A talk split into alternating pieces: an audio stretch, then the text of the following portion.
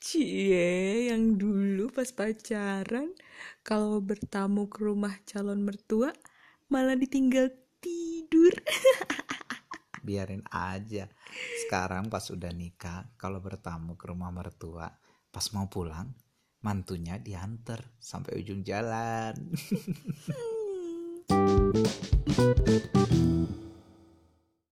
Coba papi ceritain gimana caranya menggait calon mertua. Kayak calon mertua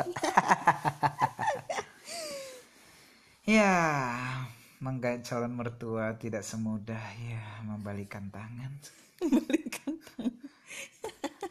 Membalikan telapak tangan. ya itulah Ya gimana coba? ya eh, susah ya pertanyaannya bisa nggak nggak tiba-tiba jadi bisa mikir dulu gitu untuk konten yang kayak gini. Lo justru itu. ya tiba-tiba ditodong ya kan? Lagi nonton YouTube tentang ini. Oke. Untuk menggait mertua itu. Sebenarnya ya gampang-gampang Susah. susah. Ah, enggak gampang sih. susah tuh susah-susah gampang. enggak bukan susah-susah gampang juga. Jadi gampang-gampang mudah asik Yes. Agak songong ya. bukan bukan Gimana, songong kayak gitu karena ya yang pertama Hmm. menganggap mertua eh, calon mertua itu Mm-mm. yang sekarang jadi mertua adalah bapak ibu kita gitu Mm. ayah ibu kita gitu kalau ada mama bapak kandung ada ayah dan ibu Mm. gitu. Jadi memperlakukan mereka layaknya ayah dan ibu kayak gitu. Yang pertama itu. Yang kedua ya memberi hati kayak gitu kepada mereka dan biarkan mereka mengerti bagaimana sikap sifat dan eh, perilaku kita Konkretnya dong, memberi hati itu kayak gimana? memberi hati itu adalah dengan cara contohnya misalnya datang ke rumah calon mertua Mm-mm. kayak gitu itu kita uh, ngobrol terus ngobrol uh, ya kita mendengarkan lebih pada mendengarkan apa itu keluhan atau mendengarkan cerita daripada uh, calon mertua kita gitu. Misalkan dia dalam pekerjaannya atau dia dalam uh, pelayanannya seperti itu. Mm. ada kendala apa atau ada sukacita apa jadi kita memberikan hati kita untuk mendengarkan gitu mendengarkan dan coba untuk memberikan uh, sedikit masukan-masukan gitu nah itu contoh konkretnya kayak gitu misalnya dia juga ada kendala dalam pekerjaan gimana ya atau kendala dalam hal apa pun sekecil apa pun kayak gitu ya itulah sampai yang kayak makanan. Bawa makanan. Uh, ke bawa rumah. makanan ya kalau bawa makanan apa ya itu kayak udah mungkin ke- bukan habit tapi mungkin yang orang tua ajarkan dari dulu adalah kalau kita bertamu ke rumah seseorang itu enaknya sih bawa sesuatu gitu. Mm. tapi kan memang kita kadang ya kadang kalau nggak ada uang ya jangan dipaksakan beli juga gitu. Ya kalau memang ada uang dan mau berbagi dan juga nanti kan biasanya ya oleh-oleh yang kita bawa kadang ya kita makan juga gitu. Misalnya nih papi bawa martabak. Ingatkan dulu papi bawa martabak keju coklat kayak gitu bawa martabak gitu. Nah disodorin kayak balik lagi ke kita gitu. Mm. dan ya gitu kadang nggak sadar eh udah setengah dimakan kan gitu. martabaknya udah setengah kita makan gitu kita yang bawa kita yang makan gitu. nah itulah maksudnya hal-hal kecil yang perlu diperhatikan. Kalau hal besar ya banyak. Kalau mau diceritakan hal besar kayak gitu. Contohnya yang memang kita bertanggung jawab eh, atas pasangan kita gitu anaknya calon mertua kita itu gitu waktu saat dulu gitu. Harus eh, kasih kepercayaan. Misalkan dibilang pulang ya jam 11 gitu sebelum jam 11 sudah harus pulang gitu. Mm. udah harus di rumah. Pulang ya jam segini ya udah harus di rumah sebelum jam yang ditentukan gitu. Jadi membuat eh, safe gitu membuat anaknya aman nyaman gitu. Ya itu juga jadi kenyamanan dan keamanan buat rasa aman buat mereka gitu terhadap anak-anaknya gitu. Ya ya. Jadi sebenarnya aku mau cerita juga. Sebenarnya waktu pas awal pertama banget pacaran, waktu bawa suamiku ini ke rumah, papa tuh sebenarnya kayak makan memberikan nggak? Boleh. Nggak boleh. Memberikan. Ah. gestur dan apa ya memberikan kayak penolakan gitu loh. Kayak nggak welcome sama sekali gitu. Mungkin karena aku anak pertama kali ya anak pertama cewek yang em, ya biasanya sih ya kecenderungan seorang ayah itu akan melindungi anak perempuannya gitu. Jadi ketika ada eh, mungkin ya ketika ada lelaki yang datang untuk eh, ya memperkenalkan diri sebagai pacar ke rumah langsung defensif gitu loh.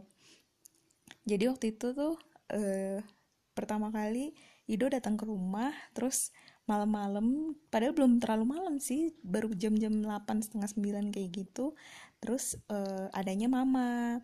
Nah kalau mama tuh emang tipe orang yang sangat-sangat eh, welcome. welcome orangnya terbuka gitu. Jadi ya emang ngobrol sama mama terus ditanya lah kayak eh, keluarga di mana papa eh, apa di mana kerjanya. Terus eh, mama eh, di mana terus eh, nanyain keluarga juga gitu ya. Pokoknya cerita-cerita seperti biasa gitulah gitu. Dan orangnya memang mama tuh seneng ngomong seneng ngobrol gitu. Ya golongan darah O ketemu golongan darah O gitulah gitu kan. Sedangkan papa tuh orangnya pendiam memang pendiam dan nggak terlalu apa ya nggak terlalu banyak ngomong dan nggak terlalu ekspresif juga. Nah makanya waktu pas datang baru pulang kerja terus tiba-tiba apa ini kenalin eh, apa eh, pacarku. Hmm, terus langsung masuk nyelonong terus tidur. Kan kayak aduh apaan sih nih kan aku jadi nggak enak gitu ya maksudnya ya siapa sih yang nggak enak eh, apa namanya pacarnya dijutekin gitu loh. Padahal kan waktu eh, aku mau pacaran aku tuh bilang sama papa kayak izin gitu pak aku mau pacaran. Maksudnya kita nggak backstreet ya gitu Mm-mm. bener-bener emang terbuka eh, mau pacaran ada yang deketin dan memang ya kita pacarannya serius gitu. Terus eh, tapi memang suamiku ini pantang menyerah gitu kan jadi ya kayak yang tadi dia bilang ya meskipun mendapatkan perlakuan yang kayak gitu tapi tetap eh, ramah tetap datang ke rumah gitu. Hingga akhirnya kali kedua eh, nggak kayak gitu lagi gitu. Tapi itu pun balik lagi ke eh, ceweknya gitu loh. Bisa bisa nggak sih kita lebih mem- apa memberikan pengertian sama keluarga kita sendiri? Bukan cuma ceweknya ya cowoknya juga eh, ngasih nih pengertian sama keluarganya bahwa kita ini pacaran baik-baik kayak gitu. Jadi eh, kita juga mau pacaran ke arah serius. Jadi ya em, diusahain supaya lebih ramah lebih welcome sama orang yang lagi deket sama kita gitu. Waktu itu aku eh, ngomong gitu kan sama papa kayak pak jangan gitu lah gitu. Nanti kalau eh, dia datang lagi ya minimal eh, inilah ngomong gitu. Eh, mau istirahat dulu ya gitu pamit dulu ya atau apa gitu. Jadi jangan tiba-tiba tanpa kata-kata ya langsung nyelonong eh, tidur kayak gitu. Ya akhirnya setelah aku bilang kayak gitu eh, ketika selanjutnya Ido datang ke rumah ya udah kayak lebih ngomong lah gitu ngomong sedikit. Tapi ya mungkin balik lagi tuh sifat defensif seorang ayah terhadap eh kok defensif? Protektif seorang ayah sama anak ceweknya gitu. Mungkin ya mungkin. Kayak mau ngetes gitu juga ini gimana nih kalau kalau dijutekin nih gitu. Kira-kira dia bakal eh, marah atau bakal kayak gimana atau ya melihat eh, mentalitinya juga dari calon pasangan gitu kali. Dan aku pribadi waktu aku ketemu sama keluarga suamiku eh, kebetulan keluarga dia tuh orangnya lebih banyak gitu. Dan beda sama keluarga tipe keluargaku yang eh, mungkin bisa dibilang lebih sedikit dan gak terlalu banyak ngomong satu sama lain gitu. Sedangkan keluarga suamiku tuh dia deket satu sama lain gitu. Meskipun jauh-jauhan tapi itu eh, satu sama lain selalu sharing selalu ngobrol gitu selalu teleponan. Beda sama eh, culture di keluarga aku gitu. Jadi agak cukup hmm, gimana ya aku juga mesti beradaptasi gitu sama keluarganya dan calon mertuaku juga gitu. Tapi eh puji Tuhannya mereka orangnya welcome dan ke aku pun uh, baik gitu terutama papa mertua. Papa mertua tuh dari awal ketemu udah sangat-sangat apa ya ramah welcome gitulah kalau uh, mama mertuaku in aku manggilnya Inang. Inang tuh um, awalnya dia uh, welcome tapi nggak langsung aku ngerasa gitu nggak langsung benar-benar terbuka full 100% gitu. Tapi ada juga yang bagi uh, kayak kelihatan masih merhatiin kelihatan masih uh, coba menilik-nilik gitu aku orangnya kayak gimana. Tapi overall uh, aku ngerasa lebih gampang gitu deket uh, sama keluarga suamiku gitu ya balik-balik lagi sih sebenarnya kalau misalnya mendekatkan diri ke calon mertua atau udah mertua lah kita bilang sekarang ya hmm. gitu kepada mertua kita gitu ya ya kalau kita berani memberikan hati kita pasti mereka juga akan kasih hatinya hmm. kok ke kita gitu maksudnya ketika kita mau mencoba untuk care dan ketika ada tantangan-tantangan seperti yang tadi didiamin terus masuk kamar ya memang jelek jelek jelek cuman gimana kita bisa memberikan uh, apa uh, tanggapan terhadap uh, sikap dan sifat uh, mertua kita nantinya seperti itu gitu. Mm -hmm. sebenarnya itu kan ya, yang tadi ya protektif mm -hmm. atau ada sedikit defensif yang kayak gitu. Sekarang gimana?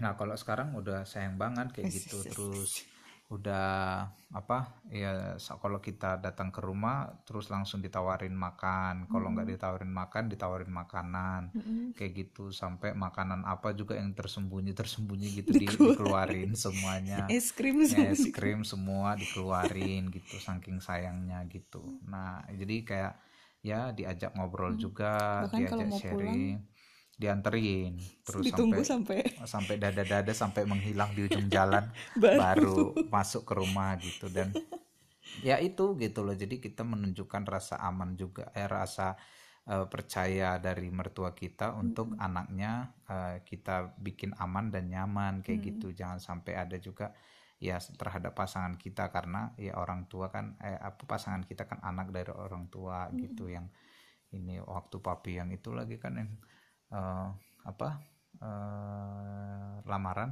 mm-hmm. gitu nah mertua kan sampai nangis kayak gitu mm-hmm. amang sampai nangis inang mm-hmm. sampai nangis kayak gitu maksudnya sampai nangis bukan gimana gimana tapi kayak ya sedih gitu anaknya yang paling besar eh, ternyata udah mau nikah kayak gitu dan yang kata-kata uh, Amang sama Inang itu ya mertua itu waktu itu yang paling aku ingat itu adalah yang mereka bilang titip anak saya anak yang hmm. paling kami sayangi hmm. anak yang paling kami uh, apa uh, dari dulu kami banggakan hmm. kayak gitu sampai yang kayak gitu dan amanat itu yang uh, papi dulu ambil kayak gitu hmm. diambil uh, terus ya jadi sampai sekarang kayak gitu dan semakin hari harus semakin lebih baik dan semakin uh, lebih apa lebih ya takut akan Tuhan lah gitu. Iya emang penting sih maksudnya untuk pendekatan sama calon mertua gitu. Nggak ya bukan berarti baru pacaran terus tiba-tiba langsung kayak cari muka atau gimana gimana enggak gitu hmm. cuman ya paling enggak uh, yang pertama sih sebisa mungkin kita memperkenalkan diri kita gitu bahwa uh, kita punya maksud baik nih gitu. Kita mau pendekatan saling lebih mengenal satu sama lain dan saling apa ya saling uh, mendekatkan diri ya. ke keluarganya masing-masing hmm. gitu. Sebenarnya nggak ada teori yang gimana-gimana, cuman ya lihat situasi kondisi juga kayak gitu. Jadi nggak terlalu memaksakan kita harus PDKT harus -hmm. seperti ini dengan orang yang tipe seperti ini enggak karena ya menurut aku sih sebenarnya kalau pendekatan ke mertua itu mereka kan sebenarnya mau nilai kita gitu. mm -hmm. jadi kalau bisa kita apa adanya itu yang diperlihatkan bukan ada apanya mm -hmm. kayak gitu kalau lihat di kita bikin ada apanya kita mau kan mau nikah sama anaknya jadi kita baik-baikin setelah itu buyar gitu mm -hmm. hilang ke mana nggak tahu kayak gitu tuh dari awal udah pasti kacau kayak gitu tapi kalau memang dari hati kayak gitu memang benar kita mau memberikan hati kita untuk mereka juga bisa hmm. memberikan sedikit demi sedikit uh, rasa peduli dan hatinya ke kita kayak gitu ya. Itu harus saling di berbagi juga dan ya dibagi-bagi lah kayak gitu. Dan dibagi-bagi. iya tidak perlu dipaksakan kayak gitu. Karena bukan hanya ke mertua aja bukan hanya ke pasangan kita aja ke adik-adiknya ke kakak-kakaknya juga harus klop gitu loh. Kalau misalkan ke adik-adiknya juga lu awal-awal udah berantem gitu ya mau apa kayak gitu. Maksudnya kan nikah antara dua keluarga bukan dua orang tua atau dua pasangan gitu. Dua keluarga keluarga itu termasuk kakak dan adiknya. Termasuk juga kalau ada mas kemarin ayah oma kayak oma gitu kan kita sayang juga sama oma kayak gitu kayak opungnya kita sendiri kayak neneknya kita sendiri kayak gitu. Nah yang kayak gitu gitu kan harus dilihat lagi gitu. Jadi nggak ada teori yang gimana gimana cukup untuk memberikan hati kita ke uh, orang tua uh, atau mertua kayak gitu atau ke keluarga mereka nah mereka bakalan berikan hatinya juga kok ke kita mungkin bahasanya lebih ke kayak ikhlas ya ya jadi ya kita nunjukin kalau kita tuh tulus gitu loh nggak nggak ada udang di balik bakwan, ya. bakwan Hmm. enak sih cuman kan ya gitu. bikin obesitas Hmm. dan yang pasti eh, ucapannya dijaga gitu harus sopan juga apalagi kan itu orang tua gitu kan. Ya sebagaimana kita menyayangi dan juga sopan sama orang tua kita ya begitu juga kita perlakukan kepada eh, calon mertua kita begitu atau mertua kita. Ya kayak sekarang eh, sekalipun kita udah nikah ya eh, karena rumah papa sama mama deket jadi ya paling enggak dua minggu sekali kita datang gitu kan. Meskipun ya sebenarnya kan kondisinya karena pandemi ya gitu. Biasanya tiap hari minggu kita pasti ketemu di gereja gitu. Kita ngobrol gitu kan di gereja. Terus kalau ada waktu ya jalan sama papa mama gitu kan. Dan eh apa namanya karena sekarang lagi pandemi jadi kita emang batasin banget. Apalagi kita berdua sama-sama masih kerja gitu kan. Tapi ketika kita ngerasa ya kita eh, sehat kita tetap jaga protokol kesehatan ya kita berkunjung ke papa mama gitu. Kalau ke Amanginang eh, atau mertuaku karena posisinya di Riau jauh jadi eh, kita selama pandemi ini sih belum bisa ketemu langsung gitu. Tapi ya minimal kita telepon video call gitu kan kita tanya kabarnya gitu. Kadang kita eh, nunjukin aktivitas kita kita lagi apa kayak gitu. Terus ya ngobrol gitu kan meskipun mungkin cuma sekedar nanya kabar atau lagi apa. Nah itu pun membuat eh, orang tua kita merasa diperhatikan sama kita gitu. Ya kan? Iya dong. Gitu dong. Ya udah paling gitu kali ya untuk sesi podcast eh, hari ini. Semoga bisa membuka gitu ya em, menjadi tips-tips buat teman-teman yang sedang membangun hubungan dan berencana untuk menikah gitu. Jadi jangan cuma deketin anaknya doang tapi mulai eh, pendekatan juga dengan eh, keluarganya. Mm, kalau ada yang ulang tahun ucapin selamat ulang tahun itu Hmm. udah senang Iya bener. Meskipun kayak mungkin kelihatannya kayak formalitas, tapi ketika diucapin, oh ternyata eh, orang ini care ya sama aku gitu, orang ini eh, perhatian ya sama aku gitu. Jadi ya eh, orang tua juga ngerasa bahwa oh iya nih orang perhatian sama hal kecil gitu, tanggal ulang tahun kayak gitu. Meskipun gak ngasih kado, tapi ya tetap eh, ngucapin gitu ya. Iya, itu dia. itu hal-hal kecil yang eh, diperhatikan gitu ada lagi Hmm. tips lain Sebenarnya banyak tips lain, cuman nanti kalau dikasih terlalu banyak tips lain jadi diikutin tapi tidak pas dengan eh, apa lapangan yang ada maksudnya tidak pas dengan ya yang umum lah ya umum. yang umum ya gitu. Jadi sebenarnya ya satu penuh kesabaran, yang kedua ya berikan hati kita untuk mereka juga berikan hatinya kepada kita kayak gitu loh. Terus tetap semangat, jangan patah semangat gitu kalau udah Ditolak ada ya, kayak penolakan gitu ya. satu penolakan dua kadang ya memang keluarganya nggak cocok sama Hmm. kita kayak gitu kan gitu jadi ya kalau keluarga nggak cocok sama kita bukan berarti itu nggak cocok kayak gitu Eh, kita mau menikah sama pasangan kita tersebut enggak kayak gitu karena ya balik-balik lagi kalau pasti kalau udah klop sama ngomong sama pasangan kita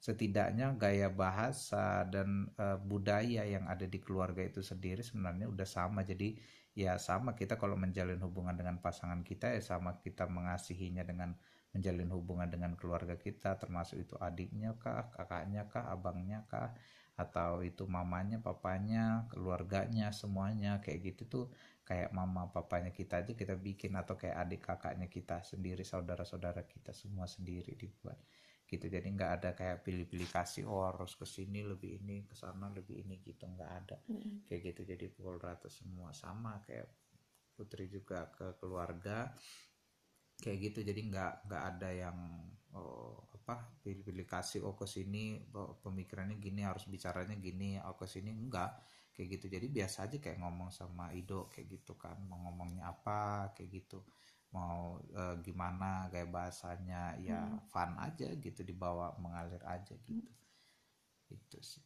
jadi nggak perlu takut untuk pendekatan ke orang tua dari pasangan kita atau calon mertua kita atau nantinya jadi mertua kita gitu karena saya sampai sekarang juga ya ada yang sudah punya mertua ya tapi tidak kayak punya mertua gitu maksudnya dari segi bahasa atau dari segi tata kerama juga nggak seperti tidak ke mertua gitu.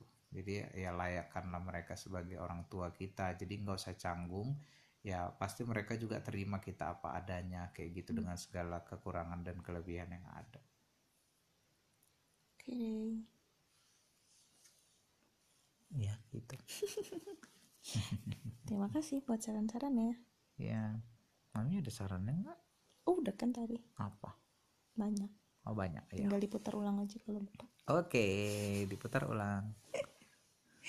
ya udah deh. Sampai ketemu di sesi podcast Ido dan Putri selanjutnya. Yuhu, bye, -bye.